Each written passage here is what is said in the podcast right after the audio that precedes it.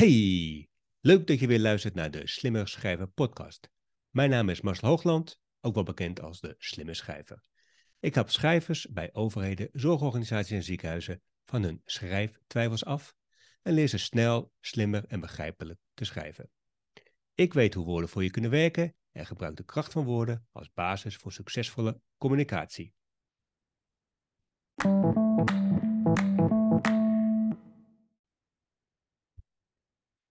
Vandaag wil ik het met je hebben over begrijpelijk schrijven. Heel veel en heel vaak lees je of hoor je over het schrijven op B1-niveau. Wat is het eigenlijk en hoe doe je dat? Eerst even een inleiding. Wist je dat van alle Nederlanders 2,5 miljoen laag geletterd is? Dat betekent dat ze grote moeite hebben met lezen, schrijven en vaak ook met rekenen. De meesten hebben ook moeite met computers of mobiele telefoons.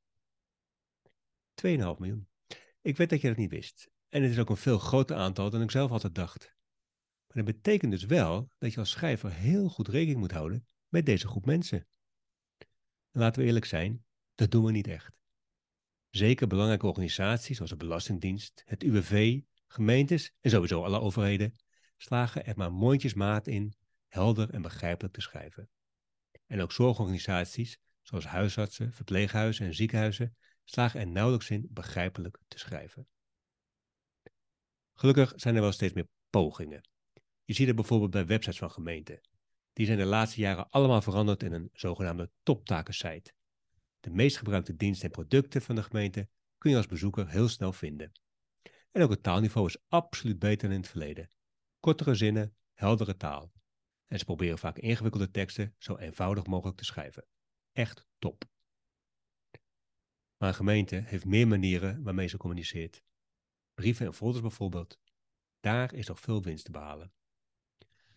Laatst vond ik een folder op internet van een gemeente. Het gaat over schuldhulpverlening. En eerlijk, dat is een lastig onderwerp. Mensen die met schulden te maken hebben, zijn vaak praktisch opgeleid. Of hebben een laag taalniveau. En dan is het dus heel belangrijk helder en duidelijk te schrijven. Begrijpelijke taal dus. Maar ja, wat verstaan we onder begrijpelijke taal? Kan natuurlijk heel makkelijk zeggen. Dat zijn teksten die zo geschreven zijn dat zoveel mogelijk mensen begrijpen. Simpel. Maar hoe meet je dat? Er is in Europa ooit een methode voor bedacht. Ze hebben elke taal in zes niveaus verdeeld. Van A1, het meest simpele, tot en met C2, het bijna academisch niveau. En hoe lager een tekst scoort, hoe meer mensen hem kunnen begrijpen. Zo zou 20% van de Nederlanders in staat moeten zijn simpele teksten te begrijpen. Teksten op A1 en A2 niveau. En 40% begrijpt teksten op B1 niveau. De rest, dus B2 tot en met C2, ook 40%, is in staat moeilijkere woorden en zinnen te begrijpen. Samengevat, als je schrijft op zogenaamd B1-niveau, betekent dat dat 8 van de 10 mensen jouw tekst kunnen begrijpen. En dat is geen slecht aantal. En het fijne is, er zijn websites waar je jouw tekst kunt laten controleren op het taalniveau. Dan weet je in grote lijnen welk niveau je tekst heeft en waar je het zou kunnen versimpelen. En ik weet ik wel, er is veel negatiefs te zeggen over deze rekenmethode. En het gebeurt dan ook. Zoek er maar wat websites op na en Google. Maar het voordeel is wel dat het logisch klinkt en eenvoudig te begrijpen is. En iedereen snapt ook dat hoe simpeler je tekst is, hoe meer mensen hem kunnen begrijpen. Dus ik laat de discussie over de methode even, maar gebruik de methodiek wel om de folder over hulpverlening te toetsen. Laten we beginnen met de inleiding.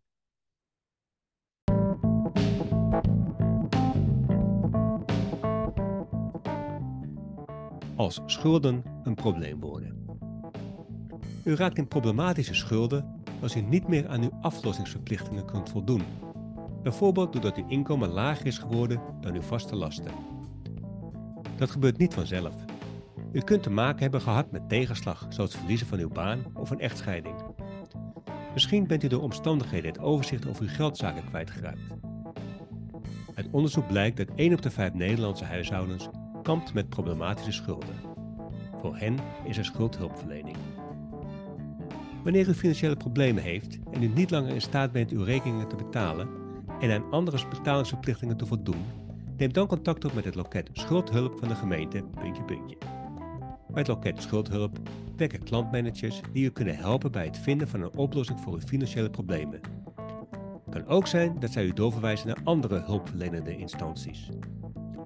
Of schuldhulpverlening of andere hulpverlening de beste oplossing is voor uw situatie, is afhankelijk van een aantal factoren en wordt vastgesteld op basis van één of meerdere persoonlijke gesprekken. Deze handleiding geeft kort en overzichtelijk informatie over de verschillende vormen van schuldhulpverlening. U leest welke regelingen en mogelijkheden er bestaan, wat u moet doen en waar u moet zijn om er gebruik van te maken. Als u na het lezen van deze brochure nog vragen heeft, neem dan kosteloos contact op met de gemeente. Puntje, puntje, puntje. Deze inleiding, de inleiding van een folder, als je die zou meten, dan blijkt het taalniveau B2 te zijn. Dat betekent dat 6 van de 10 mensen deze inleiding van de folder niet goed begrijpt. Ik heb de rest van de folder ook getest en de meeste onderdelen waren B2, soms zelfs C1. En ik lees nog een stukje voor.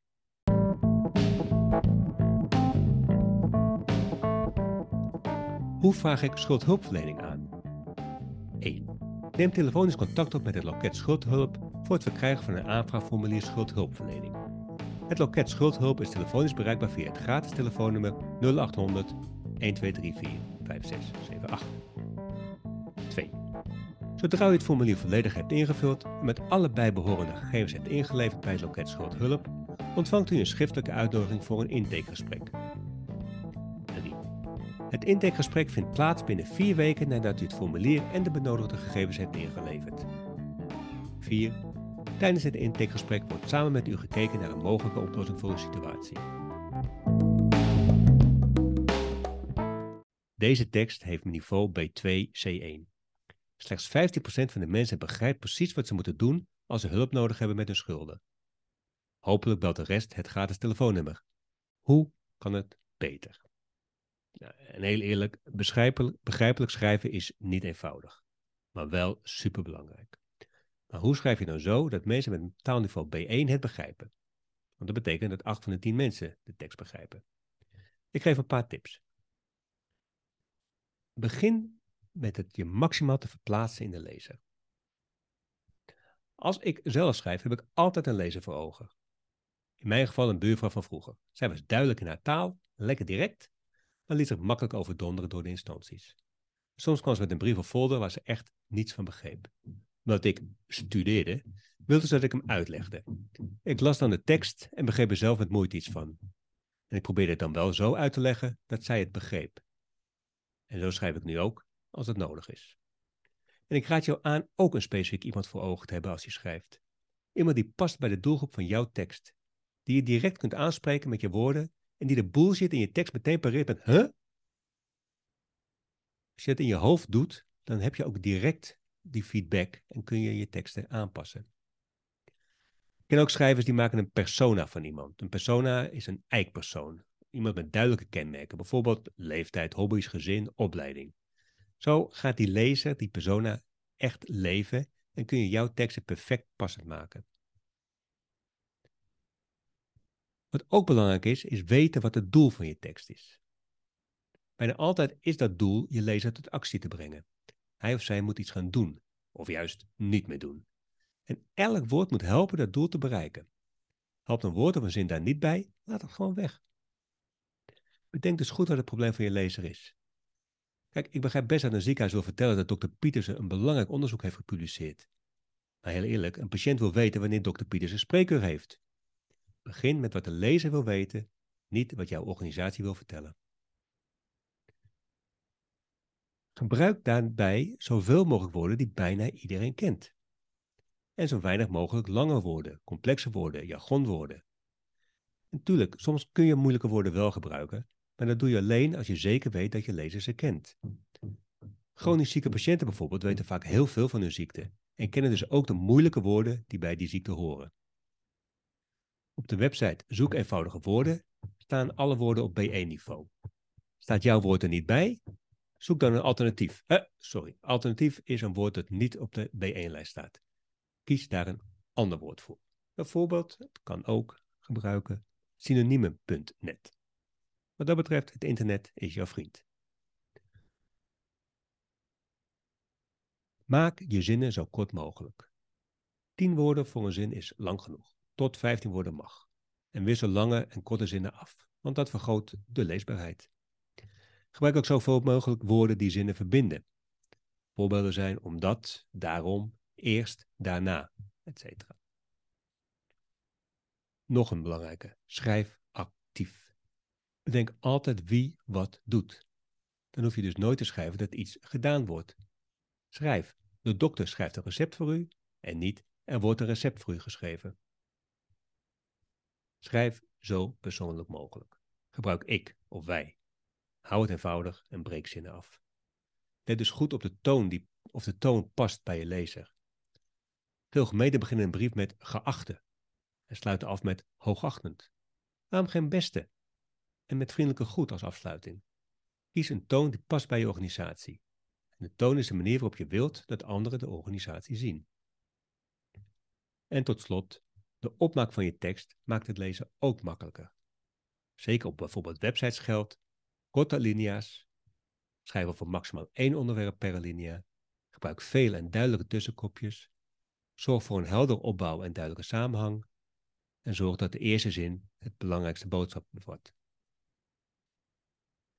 Als je het allemaal hebt gedaan, dan krijg je een veel betere brief. En ik weet wel, theorie en tips geven is makkelijk. Het gaat uiteindelijk om de praktijk. Daarom heb ik die folder die ik net voorlas over schuldhulpverlening herschreven. Het is nu 20% korter en het is volledig op taalniveau B1. Acht van de 10 mensen kunnen het begrijpen. in de volgende podcast laat ik je de nieuwe versie horen. Dat was hem. Wil jij ook begrijpelijk schrijven? Of teksten maken die iedereen begrijpt? Is lastig en het kost tijd, maar gelukkig, de slimme schrijver kan je helpen.